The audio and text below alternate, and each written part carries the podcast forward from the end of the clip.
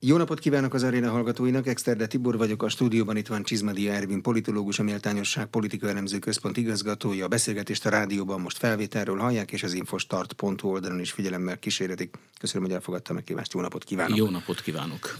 Több a 2022-es választáson még közösen indult ellenzéki párt vezetője is beszédet tartott február első hétvégén. A miniszterelnöké az még hátra van, az majd csak most következik. Az ellenzéki évértékelőknek van politika fordító jelentősége, vagy nincs? Politika fordítója, ha már ezt a kifejezést használja, akkor szerintem nincs, de valamiről azért mégiscsak tanúskodnak. Hogyha jobban belegondolunk, akkor ugye a 2000-es évek elején kettő darab évértékelés volt. Ezt elkezdte Orbán Viktor, ugye még a 90-es évek végén, és aztán felzárkózott mellé Gyurcsány Ferenc. És akkor nagyjából hosszú évekig ez a kettő volt.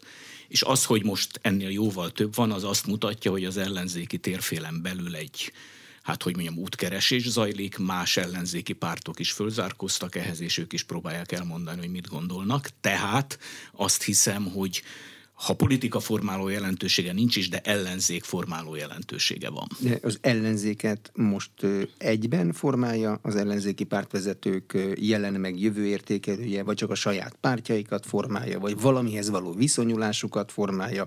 Kinek szól egyáltalán? Hát ö, szerintem a politika fogyasztóknak szól minden, ami a politikában történik. Nyilván van ennek egy jelentősége az összellenzék szempontjából is, de döntően az adott külön-külön ellenzéki pártok szempontjából van. És nekem az a véleményem, hogy ha most egy ilyen nagyon, nagyon általános tanulságot akarunk levonni, akkor azt mondhatjuk, hogy ezek mintha arról szólnának, hogy ha az egész politikai rendszert nem lehet formálni, nem lehet átalakítani, akkor hogyan lehet az ellenzéki politikai rendszert átalakítani. Tehát szerintem erről szóltak ezek a beszédek, hogy az ellenzéken belüli dominancia viszonyok hogyan alakuljanak a későbbiekben. De ezeket a politikai vezetők az ellenzéki oldalon világosan elmondták? Mert Gyurcsány Ferenc tevékenysége az elég világosan látható, anélkül, hogy különösebben beszélne róla. Politikusokat vonz magához, be a DK-ba, más Igen. ellenzéki oldalról. Uh-huh. Igen, de hogyha például megnézzük mondjuk Donát Anna beszédét, amelyik mondjuk így a másik talán többi ellenzéki párt közül kiemelkedő ellenzéki párt egyik vezetője, akkor azt mondhatjuk, hogy, hogy ez mintha azt mutatná, hogy a Momentum fel akarja venni a kesztyűt az ellenzéki, ellenzéken belüli dominancia viszonyok formálására. Erre egyébként más ellenzéki vezetők pillanatnyilag nem képesek, tehát most, ha jól olvastam ezt a két beszédet, akkor itt a jövő ennek a két ellenzéki pártnak a vetélkedéséről fog döntően szólni. Donát Anna ugye visszatért európai parlamenti képviselő, majd ö, gyermeket szült, az nyilván akkor az ember nem politizál, mert egyéb fontos feladata van. A, hova tér vissza?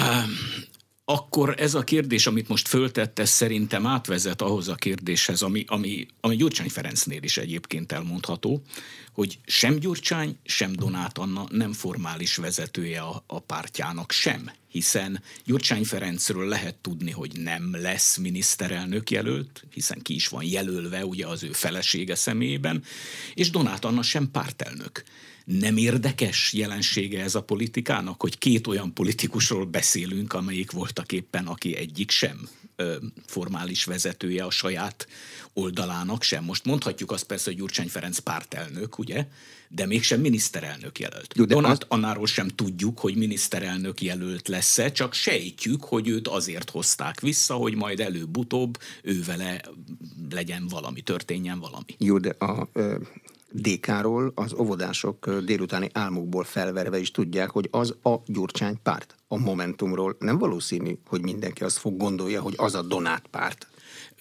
Igen, de lehetséges, hogy itt akkor arról van szó, tehát, hogy a formális vezetés és az informális vezetés nem esik egybe. Ez egy új jelensége egyébként a magyar politikának, hogy a Momentum például azzal kísérletezik, hogy egy olyan, olyan, olyan személyiséget állít előtérbe, aki ugyan nem pártelnök, de valamilyen módon esetleg kelt egy politikai vezető benyomást. De nem, nem az a célja? Nem az a célja a politikának, hogy ha én ellenzéki párt vagyok, és például rájöttem arra, hogy az ideológiámon keresztül nem feltétlen tudom megnyerni a néptömegeket, akkor próbálkozom a személyiségen keresztül, és Donát Annának ehhez kétségkívül van egy olyan személyisége, amilyen például a jelenlegi Momentum pártelnöknek nem feltétlen van.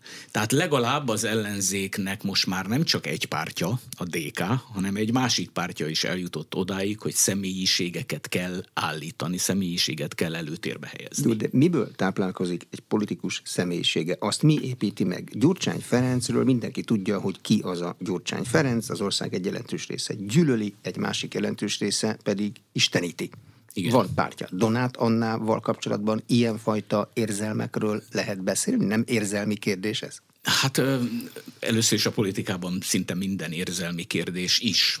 Másodszor a 2022 áprilisi választások után Donát Anna azért elkezdett egy önálló imidzset építeni azt talán a politika iránt érdeklődők tudják, hogy ők folyamatos publicisztikákkal jelentkezett a különböző online portálokon, meg talán nyomtatott portálokon is, amelyekben ő részletesen leírta azt, hogy mit gondol a világról.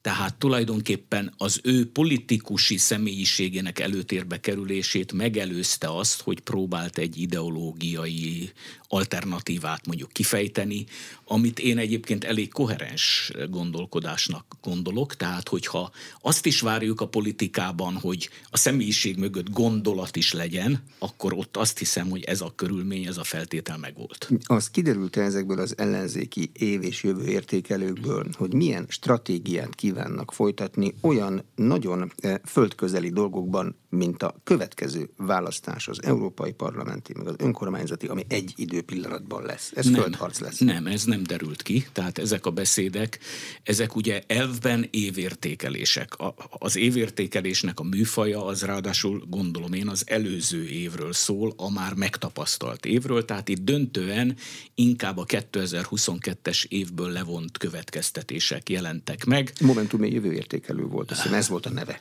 Hát akkor viszont abban annyit tudtunk meg, hogy nagyjából a liberális demokrácia értékvilágát fogadja el ugye Donát Anna és általa a Momentum is, de azt, hogy a következő választáson milyen stratégiával kíván indulni, azt, azt nem. És egyébként én ahhoz már azért hozzászoktam, hogy ha politikusokat hallgatunk, akkor ők mindig azt fogják mondani, hogy az még túl messze van, majd a hídon akkor megyünk át, hogyha odaérünk, és hát valóban ez még egy bő egy év. Nem nagyon hiszem, hogy van egyébként konkrét elképzelésük arra vonatkozólag, hogy mi történjen, és nem is lehet, mert most gondoljon bele, a 2022-es választás azért az egy nagyon nagy csapás volt nekik, tehát a soraikat ők még nem rendezték. Tehát amit most látunk, az egy nagyon közbülső állapot. Itt még nem várhatjuk azt, hogy ők meg fogják tudni mondani például azt az alapkérdést, arra tudnak válaszolni, hogy együtt indulnak, vagy külön indulnak, és hogy milyen kombinációban indulnak. Tehát szerintem itt, itt még az ellenzék Tehát nem Amit tart. eddig erről a kérdésről mondanak, hogy egyiken így, a másikon úgy, úgy ez még egy politikai jellemző számára nem végleges állás, de a sajtó munkatárs ezt kész tényként kezelni, hiszen azt mondta múlt héten, hogy én így akarok indulni, aztán másik azt mondja, hogy ő meg úgy, tehát akkor ez nem tény? Hát ez, ez jó, hogy ezt a különbségtételt megteszi a politikai elemző, az, az mindig úgy van, én mindig úgy vagyok, hogy hogy egy-egy mondatba kapaszkodom bele, amibe többletjelentést látok bele. Nem biztos, hogy van benne többletjelentés, és akkor megpróbálok ezen elindulni. Mit akart ezzel, ezzel a dologgal mondani? Mit akart például Donát Anna mondani azzal, hogy most a liberális demokrácia mellett teszi le a garast? És hogyha például ezt a kérdést tesszük fel, akkor lehet, hogy azt akarta mondani, és nem többet, hogy a Momentumot sokan kritizálták az elmúlt időszakban, hogy túlságosan felpuhult a stratégiája. És lehet, hogy ezt a mondatot azért kellett elmondani, hogy ő megerősítse a nyugatos elkötelezettséget és a liberális demokrácia melletti kiállását. És a jelentése ennek tulajdonképpen nem több, de mégis ezt én, mint elemző fontosabbnak tartom adott esetben, mint az aktuál politikai kijelentéseket, mert az aktuál politikai kijelentések azok változhatnak napról napra. Maradva még a sajtómunkás meg a politológus elemző megkülönböztetésnél, e, nőnek feltűnt, hogy mind Gyurcsány Ferenc, mind Dobrev Klára sajtó megjelenései azok, mint hogyha ritkulnának, vagy más típusúvá válnak. Vagy ez csak a sajtómunkás számára nem, feltűnt? Ez, ez az elemző számára is feltűnt. Habár amikor ezt valaki szóvá tette, nem is tudom milyen műsorban, vagy talán éppen a kormánypárti sajtó írta azt, hogy megritkultak Dobrev Klára szereplései, akkor aznap este Dobrev Klára éppen egy tévéműsorban jelent meg és fejtette ki a maga véleményét, de ettől eltekintve is valóban, és ennek nyilván megvan a magyarázata. És a magyarázatban például olyan elemek is lehetnek, hogy az Európai Unióban ugye zajlanak most ezek a bizonyos botrányok, tudjuk jól ugye, hogy baloldali képviselők slamasztikába kerültek, és hogy mi zajlik az Európai Parlamenten belül.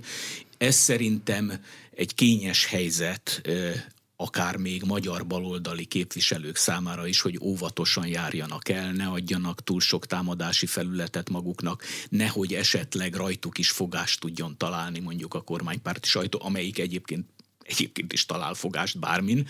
Tehát azt hiszem, hogy itt, itt van egy józan mérlegelés, vagy egy tudatos mérlegelés abban, hogy mikor vonunk valakit háttérbe, és mikor in, tesszük őt előtérbe. Csak úgy mondom, hogy például amikor ugye az árnyék kormány megalakult, akkor Dobrev Kára nap mint nap folyamatosan szerepelt, és bemutatta ugye az árnyék kormány tagjait, nyilatkozott, stb. stb.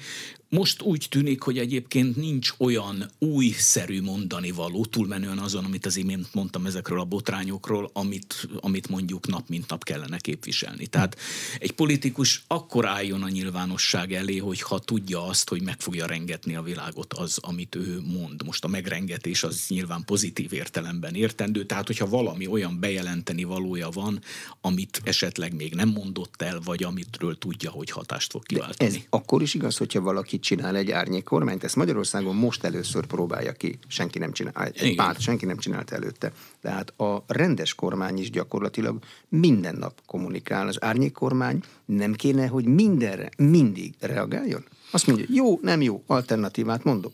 Hol marad így az egyensúly? Hát az, hogy nem feltétlen Dobrev Klára beszél, az nem jelenti azt, hogy ők nem reagálnak nap mint nap mindenre. Jó, sajtóközlemények jönnek, amiket Sajt... valószínűleg igazából senki nem használ. Igen, de szerintem, a, hogy mondjam, tehát Évek óta beszélünk arról, hogy a politika az 24 órás műfajjá vált, tehát naponta 20-szor, 30-szor váltanak üzenetet a kormánypártok és az ellenzéki pártok. Egy idő után telítődik a választó. Tehát erre is figyelni kell. Ha én mindenre reagálok, mint ellenzéki, amit a kormány csinál, hogy tudja követni a választó? Tehát egyfelől persze ott az igény, hogy reagáljak mindenre. De ha mindenre egyformán reagálok, és a reakcióm lényege az, hogy minden úgy rossz, ahogy a kormány csinálja, és ezt minden ügyben elmondom, most gondoljam bele, mi marad ebből meg a választóban. Ez egy olyan érzést kelt, hogy tulajdonképpen az ellenzéknek nincs igazából mondani valója azon túlmenően, hogy Orbán Viktor távozzon. A demokratikus koalíció magnetikus ereje az elég erőteljesnek tűnik. Elég sok fontos pozícióban lévő országos képviselő önkormányzatokban vált pártot. Ennek mi lehet a célja? Hát, a DK részéről. Szerintem nem csak a DK részéről van ennek célja, hanem ennek az egésznek ugye az a célja, hogy a magyar ellenzéki pártrendszer, ahogy már próbáltam utalni rá korábban, az még nem találta meg az optimális működését. Tehát itt most hadd hozzam szóba azt, hogy ugye Európában is ismerjük ezt, hogy sok ellenzéki párt van, és van egy gyűlölt kormánypárti vezető, aki miniszterelnök, és akkor összefog ellene a sok ellenzéki párt. A különbség Európa és mi közöttünk az, hogy mi nem tudjuk kipróbálni azt, hogy milyen az, amikor ez a sokpárti ellenzék hatalomra kerül. Példákat mondok. Izrael. Netanyahu-t ugye elzavarták pár évvel ezelőtt egy nyolc párti izraeli ellenzéki koalíció. Bulgáriában Borisov miniszterelnököt elzavarta egy 5-6 pártból álló ellenzéki koalíció. Szlovákiában bekövetkezett. Babissal szemben Csehországban bekövetkezett.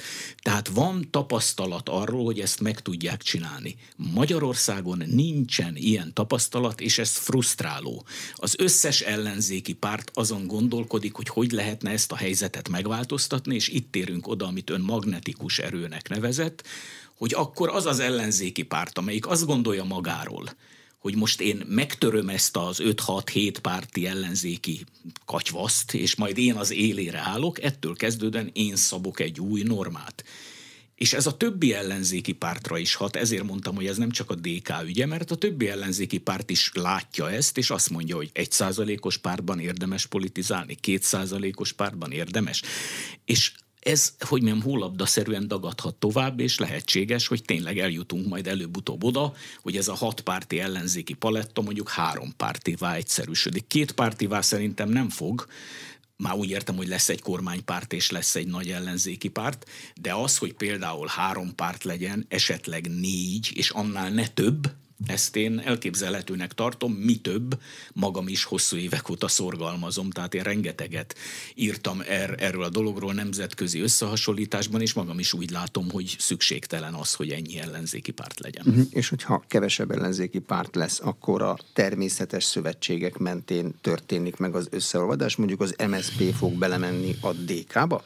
Hát, a DK-ba, ami az MSZP-ből most jött ugye ki. láttunk, ugye nem tértünk még ki arra, hogy volt itt február elején MSZP kongresszus is, és az MSZP vezetői ugye rendkívül látványosan határolódtak el a DK-tól, és mi több antidemokratikusnak nevezték a DK akcióját. Hát ez is benne a testüket van. rágja szét. Hát igen, ez is benne van, de hogyha mondjuk túl megyünk ezen, és tényleg mondjuk csak a pártrendszer felől nézzük, és, és nem helyezkedünk a pártok bőrébe, bevallom oda, én nem tudok belehelyezkedni, akkor azt mondom, hogy er, erre mégis kell valami válasznak lenni, mert ez nem potens, nem teljesítőképes így a magyar ellenzék. Na már most, hogyha mondjuk három ellenzéki párt van, akkor például könnyebb esetleg egy olyan ideológiát előállítani, amire támaszkodni lehet. Vagy könnyebb például egy olyan háttérinfrastruktúrát előállítani, amelyik nem szétviszi az ellenzéki tábort. Ugyanis a 2022-es választásokon most gondoljon bele, ha indul hat ellenzéki párt, annak a hat ellenzéki pártnak valószínűleg mind a hatnak van valamilyen szellemi infrastruktúrája. Konkrétan tanácsadók, emberek, akik mondanak valamit amit ők mondanak, az nem esik egybe, mert hat különböző tanácsadói kör. Ha már csak három van, három párt, akkor az már kevesebb tanácsadót jelent, és esetleg könnyebb összehangolni. Megint európai példákat mondok. Európában akkor ért el sikereket az ellenzék, régebbi időkre gondolok, Margaret Thatcher idején, amikor elő tudtak állítani egy olyan szellemi holdudvart, amelyik egy egyértelmű ideológiát tudott oda tenni eléjük, és azt kellett nekik követni. Ugyanis a pártok, meg a politikusok nem maguk találják ki, hogy mit kell csinálni. Ez egy óriási tévedése esetleg a közvéleménynek, hanem ott profi háttér emberek találják ezt ki. Minél kevesebb a párt, annál könnyebb ezt a ezt az ideológiai hátországot megteremteni. Eh, van-e arról valamilyen tapasztalat, hogy ha ez a koncentráció az ellenzéki oldalon megtörténik, akkor ezt majd a választók fogják díjazni? Tehát mondjuk, a, ha egy vidéki nagyvárosban egy jól teljesítő politikus, mert sokszor megválasztották, tehát jól teljesít, átmegy az MSZP-ből a DK-ba, a szavazók követik őt, és amikor DK színekbe indul, akkor odahúzzák a vonalat?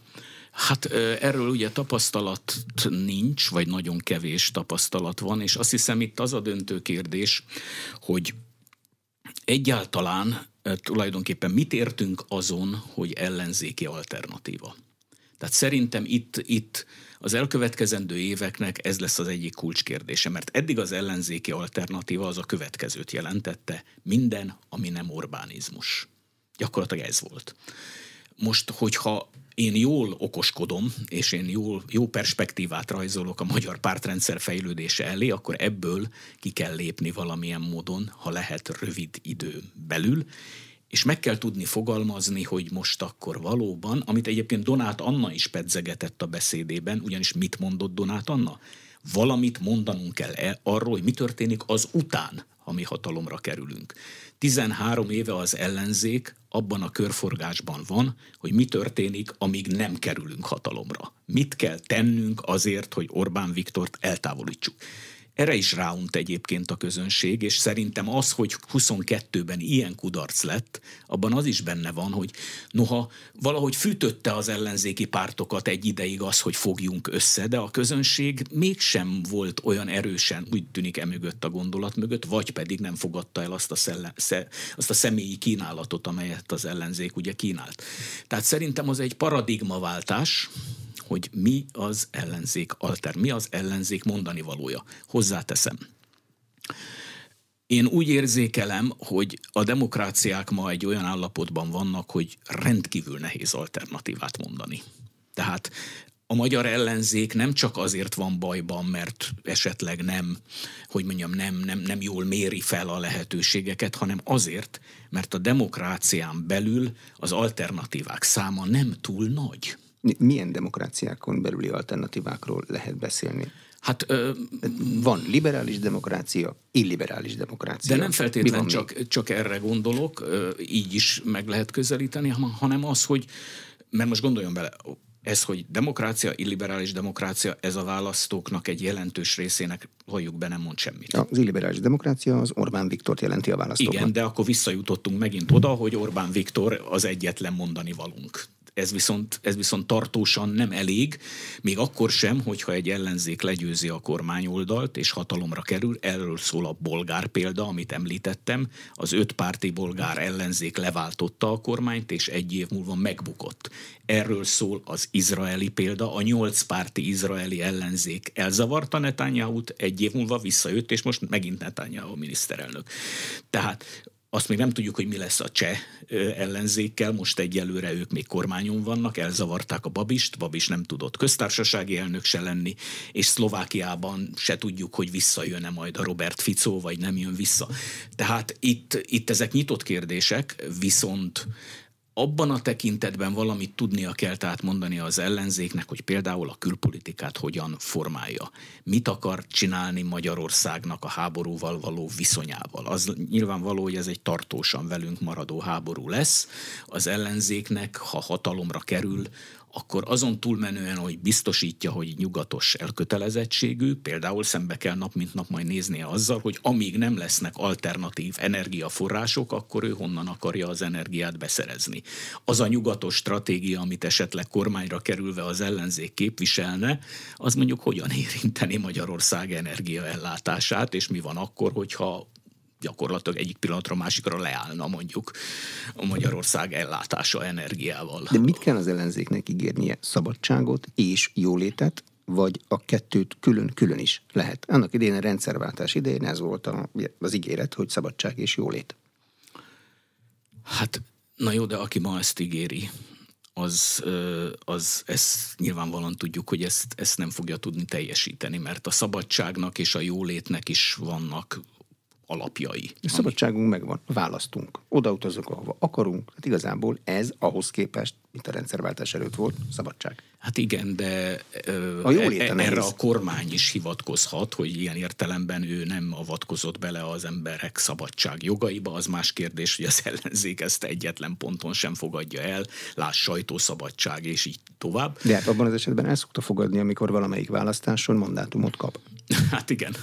Hát igen, de, de a nagyobb probléma valóban azzal van, amit ön mondta, hát a jóléttel, és ez a jólét kérdés, ez szerintem az első időszaktól kezdődően egy neuralgikus pont.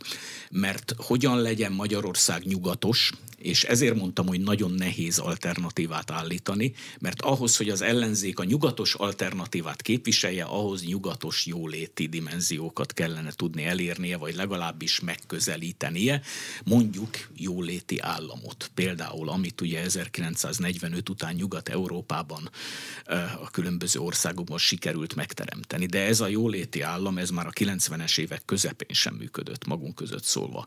Sőt, tovább megyek, az egész magyar politikának az átalakulását én nem kis részben abból vezetem le, hogy a rendszerváltás két alapcélja, szabadság és jólét közül az egyik sem valósult meg.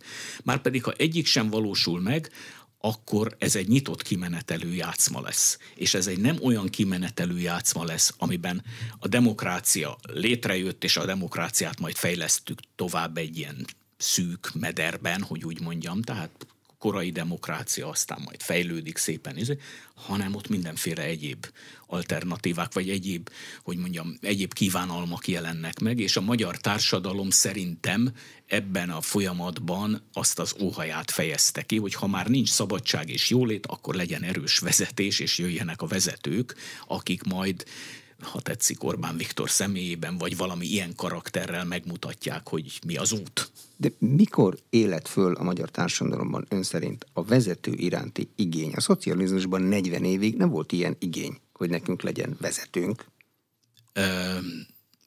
Hát nézze, itt, itt ugye lehet azt mondani, hogy most a Kádár János személye. Ő apánk volt. E. Azt mondtuk, hogy Kádár apánk, nem azt mondtuk, hogy vezetőnk.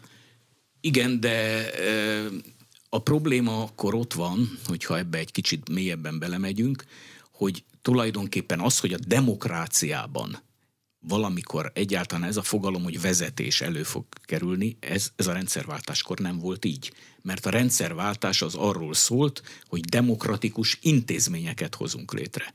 És a, én visszaemlékszem azokra az időkre, mert már akkor is politológusként működtem, és azokban az időkben semmit nem írtunk, mi magunk politológusok sem arról, hogy, hogy a vezetőnek szerepe lehet. Egy dolog számított, a kádárizmust építsük le, Kádár apánkostól és mindenestől, vezessük át Magyarországot a demokráciába, és a demokrácia önmagában valahogyan úgy működni fog. Nem, hát nem önmagában, intézményei által in, fog in, működni. Alkotmánybíróság, Úgy értettem az önmagában, hogy tehát emberi, tehát majdnem azt mondom önnek, hogy a, a, az emberi dimenzió, mint hogyha kimaradt volna, hogy működtetni kell ezeket az intézményeket. Tehát tulajdonképpen az intézmények egy kicsikét ilyen, ilyen abstrakt valamiként jelentek meg, és abstrakt mi voltukban voltak meghatározóak, és a vezető kérdése az valamikor akkor kezdett bennünket foglalkoztatni, amikor kiderült, hogy mondjuk megjelent Orbán Viktor, mint a Fidesz elnöke, és elkezdett, hogy mondjam, úgy beszélni, hogy felhívta magára a figyelmet.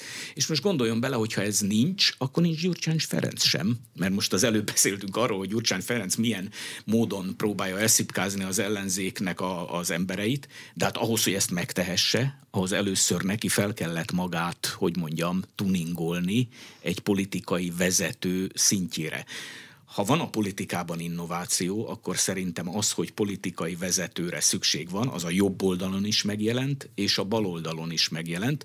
Antal Józsefet ö, sok mindenféle módon lehet ö, értelmezni, értékelni, dicsérni és kritizálni, de nem nagyon hiszem, hogy őt, mint hogy mondjam, hatékony politikai vezetőt emlegetnénk. Én De nekem ez az érzésem. A, a semmiből kellett egy működő államot létrehozni, világos amit első szabadon választott igen, miniszterelnök. világos is, csak, csak azt mondom, hogy az, hogy ez így volt, abba, abba a korszellem is benne volt. Tehát a korszellem az arról szólt, hogy a politika az egy vezetés nélküli valami ottan automatizmusok működnek a politikában. Erről szólt a rendszerváltás, és ehhez képest szerintem a nyugati politika egyébként mind a mai napig erről szól, és ha lehet ezt mondani, hogy miért vannak ezek az égbe kiáltó konfliktusok Orbán Viktor és az egész nemzetközi közeg között, annak szerintem az egyik magyarázata, hogy itt két radikálisan szemben álló politika felfogás van. És erről ritkán beszélünk,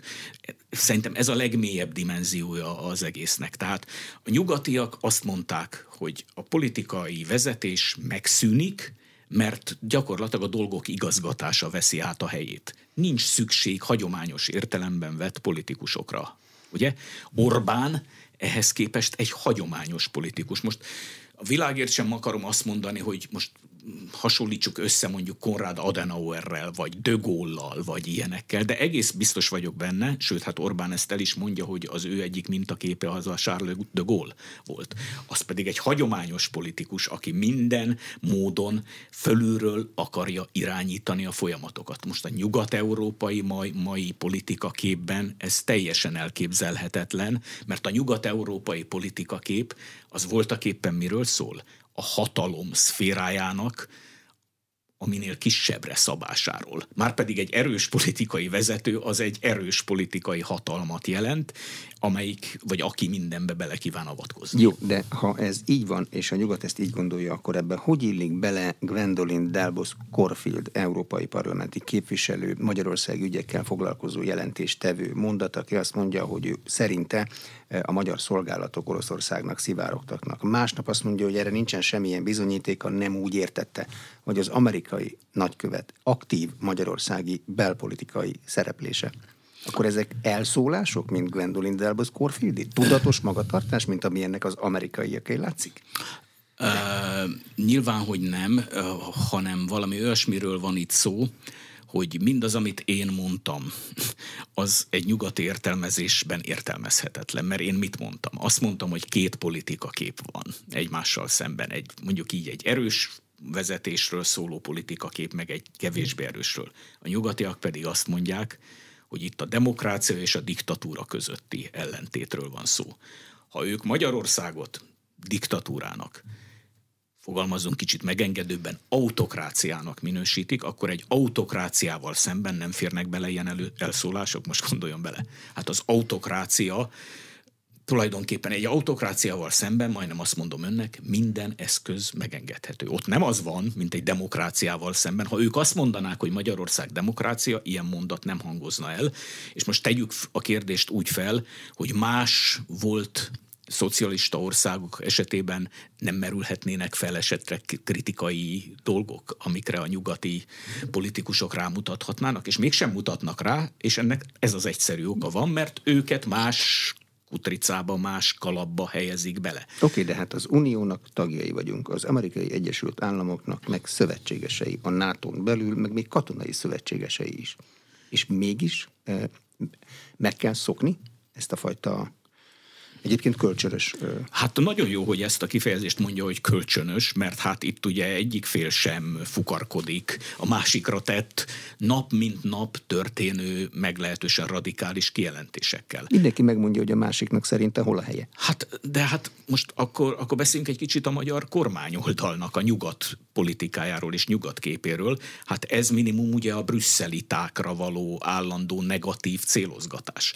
Hát hogyha mondjuk én tényleg egy harmonikus viszonyt akarok az én alatt most a kormány értendő, nyilván a nyugati szövetségesekkel, akikre ön utalt, akkor nem olyan retorikát használnék, mint amilyent a kormány használ. Ez a retorika, amit a kormány használ, ez majdnem olyan retorika, mint hogyha mi ellentétes oldalon állnánk. De egy vezető az nem mindig olyan retorikát használ, amelyet még éppen megengedhetőnek tart saját magának? Ereje hát, birtokában? de hát nem erről beszéltünk a francia politikus nő kapcsán azért használ ilyen szöveget, mert még ez belefér egy autokráciával szemben. Ha nem autokrácia lenne, nem használna olyan kifejezést. Most azon mi elvitatkozhatunk egymással, hogy helyes-e ez az értékelés, hogy Magyarország autokrácia. A képviselőnő hivatkozhat arra, hogy az Európai Uniónak papírja van arról, hogy Magyarország autokrácia, hiszen volt egy jelentés 2022-ben, ami arról szólt, hogy Magyarország már nem demokrácia, kilépett ebből a körből, átkerült az autokráciák csoportjába. Viszont Orbánék meg nyilván azért használnak ilyen retorikát, mert ők meg végképp nem értenek egyet ezzel a besorolással, és hát valahogy nyilván védekezniük is kell ez ellen, valahogy tartani a frontot, meg ők is meg akarják mondani, hogy ők mit gondolnak az ilyen típusú besorolásokról. És hagyd tegyek hozzá még valamit, hogy ami, ami itt zajlik, az szerintem nem nagyon különbözik attól a, hogy mondjam, attól a szembenállástól, ami a magyar politikát mindig is jellemezte az európai küzdőtéren. Én, én egyébként azt nagyon furcsálom, hogy ezt, ezt a dimenziót ritkán hozzuk szóba, pedig ez nagyon fontos. Magyarországnak mindig problémája volt az európai dimenzióval.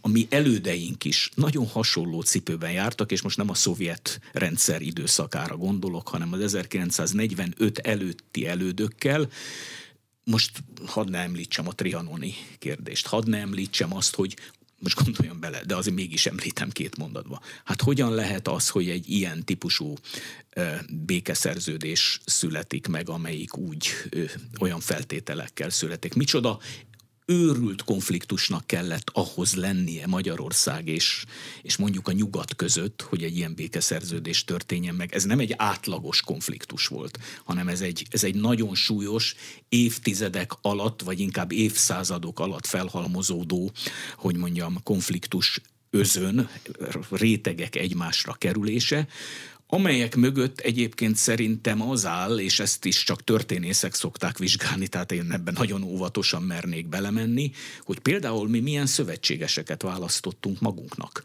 Mert ritkán beszélünk arról, hogy ez a német szövetség, mert tulajdonképpen itt erről beszélünk Trianon előtti évtizedekben, ez más szövetségekhez való közeledést kizárta.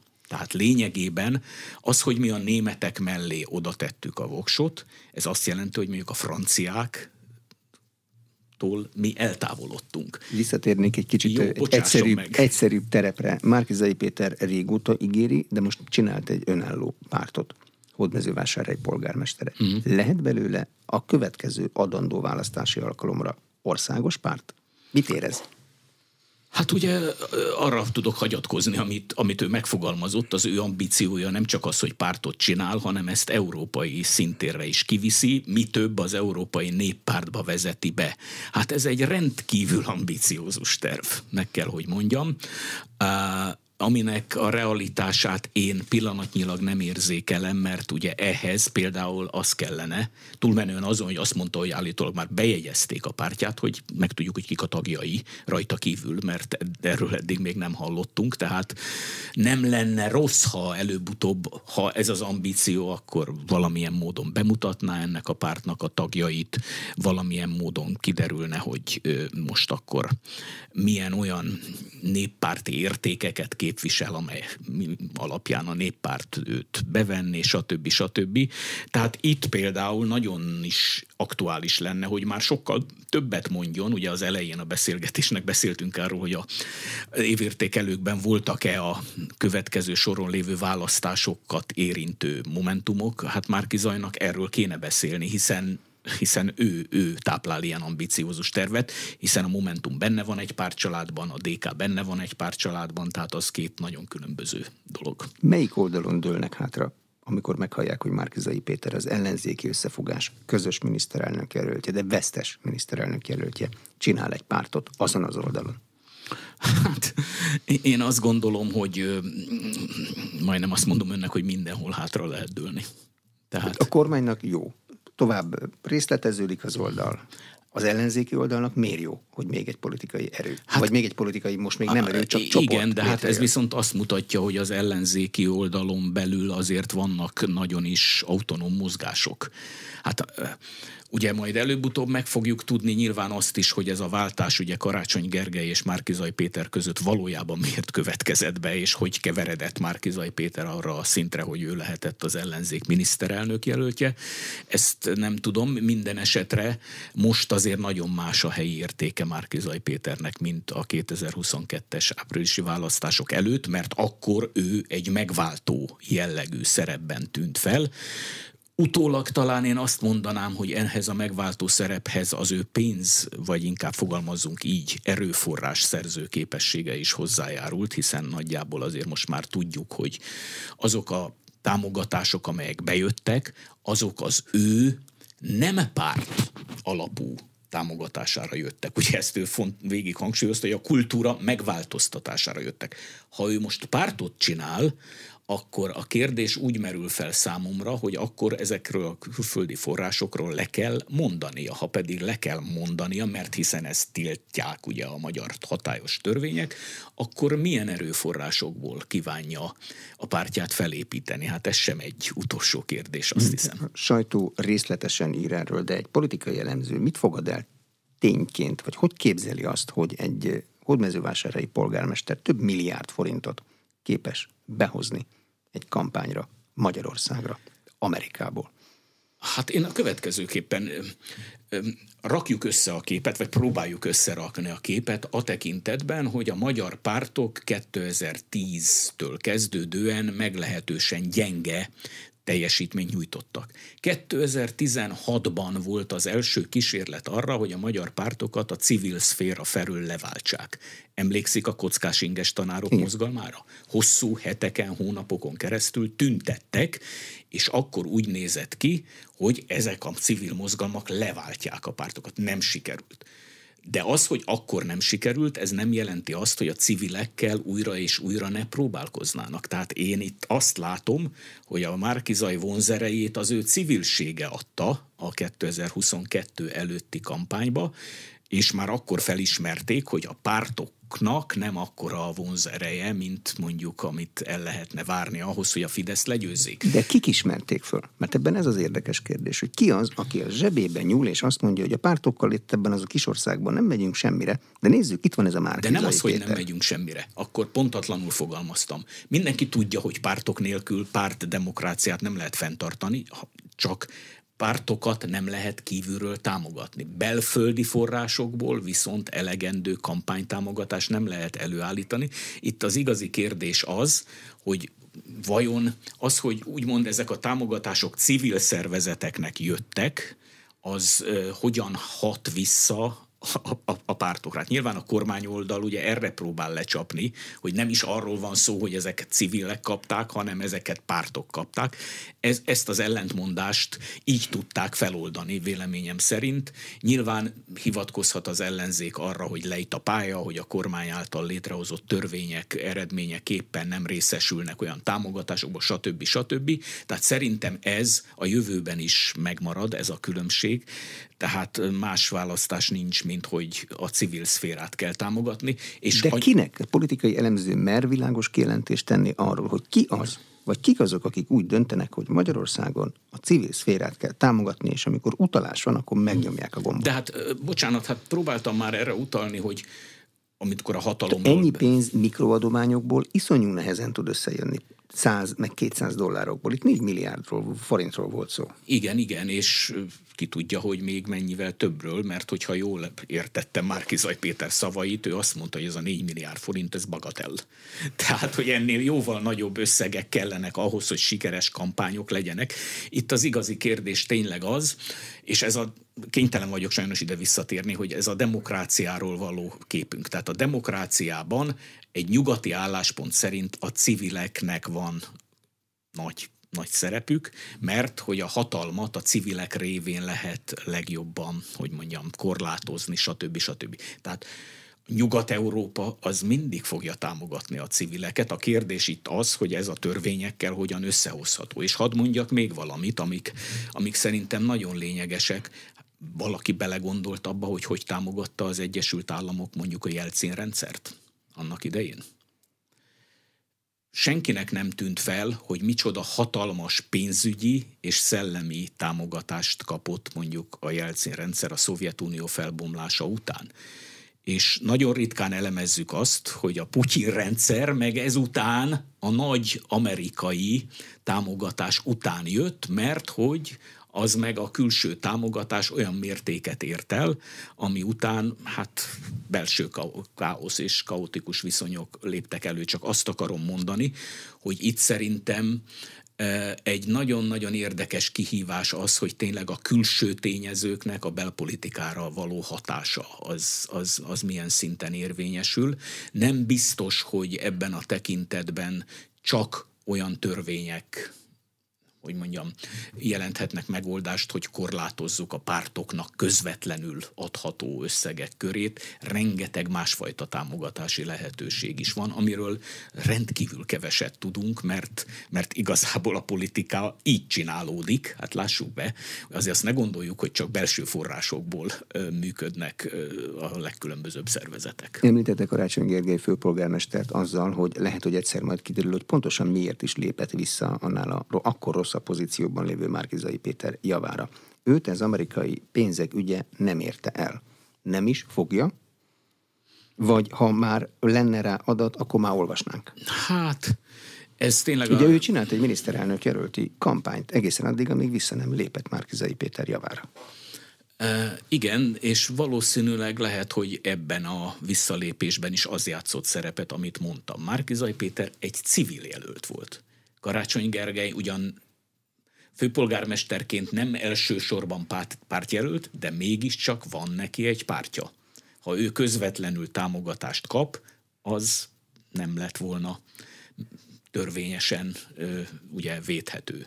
Tehát Nem zárom ki, de ez, ez tényleg feltételezés, és ehhez az ember nem ért, csak úgy próbál logikusan gondolkodni, hogy ez az egész kampány azért alakult így, mert ez volt az egyetlen lehetőség arra, hogy a támogatási összegek eljuthassanak Magyarországra, mert egyetlen civil jelölt volt ebben a kampányban, aki possibilis jelölt volt, és az Márkizaj hmm. Péter, aki hát nem civil jelölt, hiszen miniszterelnök jelölt volt, tehát a legnagyobb ellentmondás mégiscsak ebben van, de a szervezete a Mindenki Magyarországért mozgalom az elvben egy civil mozgalom. De most, hogy már párt, most már többet, e, ilyen pénzeket nem hát, fog tudni behozni. E, e, ez ugye az az ellentmondás, amire utaltam, hogy így akar az Európai Néppárt tagja lenni.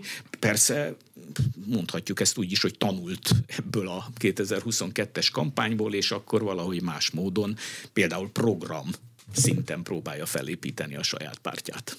Az egész magyar politika több krízisben dolgozik az elmúlt három évben. Itt volt a Covid, és most a szomszéd háború. És ehhez képest, a szokatlan körülményekhez képest egy teljesen szokványos választási eredmény született. Ezek a külső körülmények ennyire nem mozgatták meg az erőviszonyokat? Vagy pont ezek betonozták be? Hát ö, itt, itt, itt arról kéne ugye beszélni, hogy Magyarország ebből a szempontból is nagyon más, mint, mint egy csomó nyugat-európai ország, mert ahhoz, hogy például ezek a dolgok megmozgassák, ahhoz az kéne, hogy legyenek nagy társadalmi csoportok, amelyek az akaratukat ki tudják fejezni, ki tudjanak menni tüntetni, de ne csak egy alkalommal, vagy kettő alkalommal.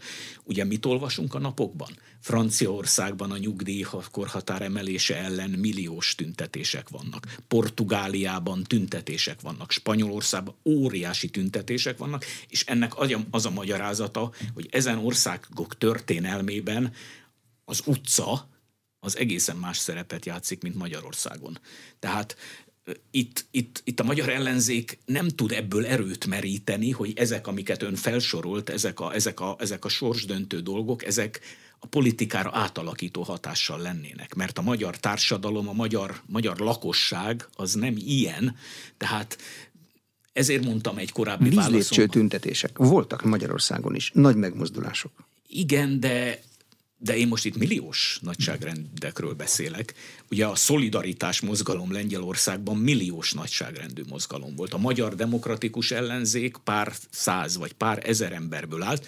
Önnek igaza van, ilyenek is el tudnak érni eredményt, de a kérdés az, hogy utána nem történik-e az, hogy az a hallgatag többség, amelyik például most az Orbán rendszer mögött áll, az rekonstruálja magát, vagy regenerálja magát. Tehát, tehát azt hiszem, hogy nagyon megértő vagyok az ellenzékkel szemben, és erre utaltam az elején, hogy nagyon nehéz alternatívát állítani, mert az egész magyar történelem örökségével kell szembefordulnia az, a magyar ellenzéknek, hogyha, hogyha mást akar csinálni, mint amit az Orbán kormány csinál, mert az Orbán kormány az egész magyar történelemből levont tanulságokkal dolgozik, az ellenzék pedig a nyugati demokratizálás tanulságaival foglalkozik, vagy arra próbál építeni, és az nem elegendő, hogy megmozgassa a magyar társadalmat. De ha jól értem, az ellenzék az első lépést azzal, hogy vezetőket próbál állítani, megteszi. Megteszi. Vagy próbálja megtenni. Megteszi, csak itt is, amire utalni próbáltam, hogy ezek nem első vonalbeli vezetők. Ezek mondjuk így, hogy szellemi vezetők. Ugye Donát Annát kérdezi ma egy online portál, hogy akkor most ő milyen vezetőnek, spirituális vezetőnek tekinti magát, vagy milyennek, ugye, mert hiszen ott, és akkor Donát Anna azt mondja, hogy ő egy mezei európai parlamenti képviselő. Hát majd akkor lesz igazán szerintem ütőképes az ellenzék, hogyha a miniszterelnök jelöltjei lesznek az első vonalban, legalább kettő vagy három pártnak, mert ugye megegyeztünk abban, hogy hat ellenzéki pártra semmi szükség. Köszönöm szépen. Az elmúlt egy órában Csizmedi Ervin politológus, a Méltányosság Politikai Elemző Központ igazgatója volt az aréna vendége. A műsor elkészítésében Módos Márton főszerkesztő vett részt. A beszélgetést a rádióban most felvételről hallották, és az infostart.hu oldalon is figyelemmel kíséretik. Köszönöm a figyelmet, Exterde Tibor vagyok. Köszönöm szépen én is.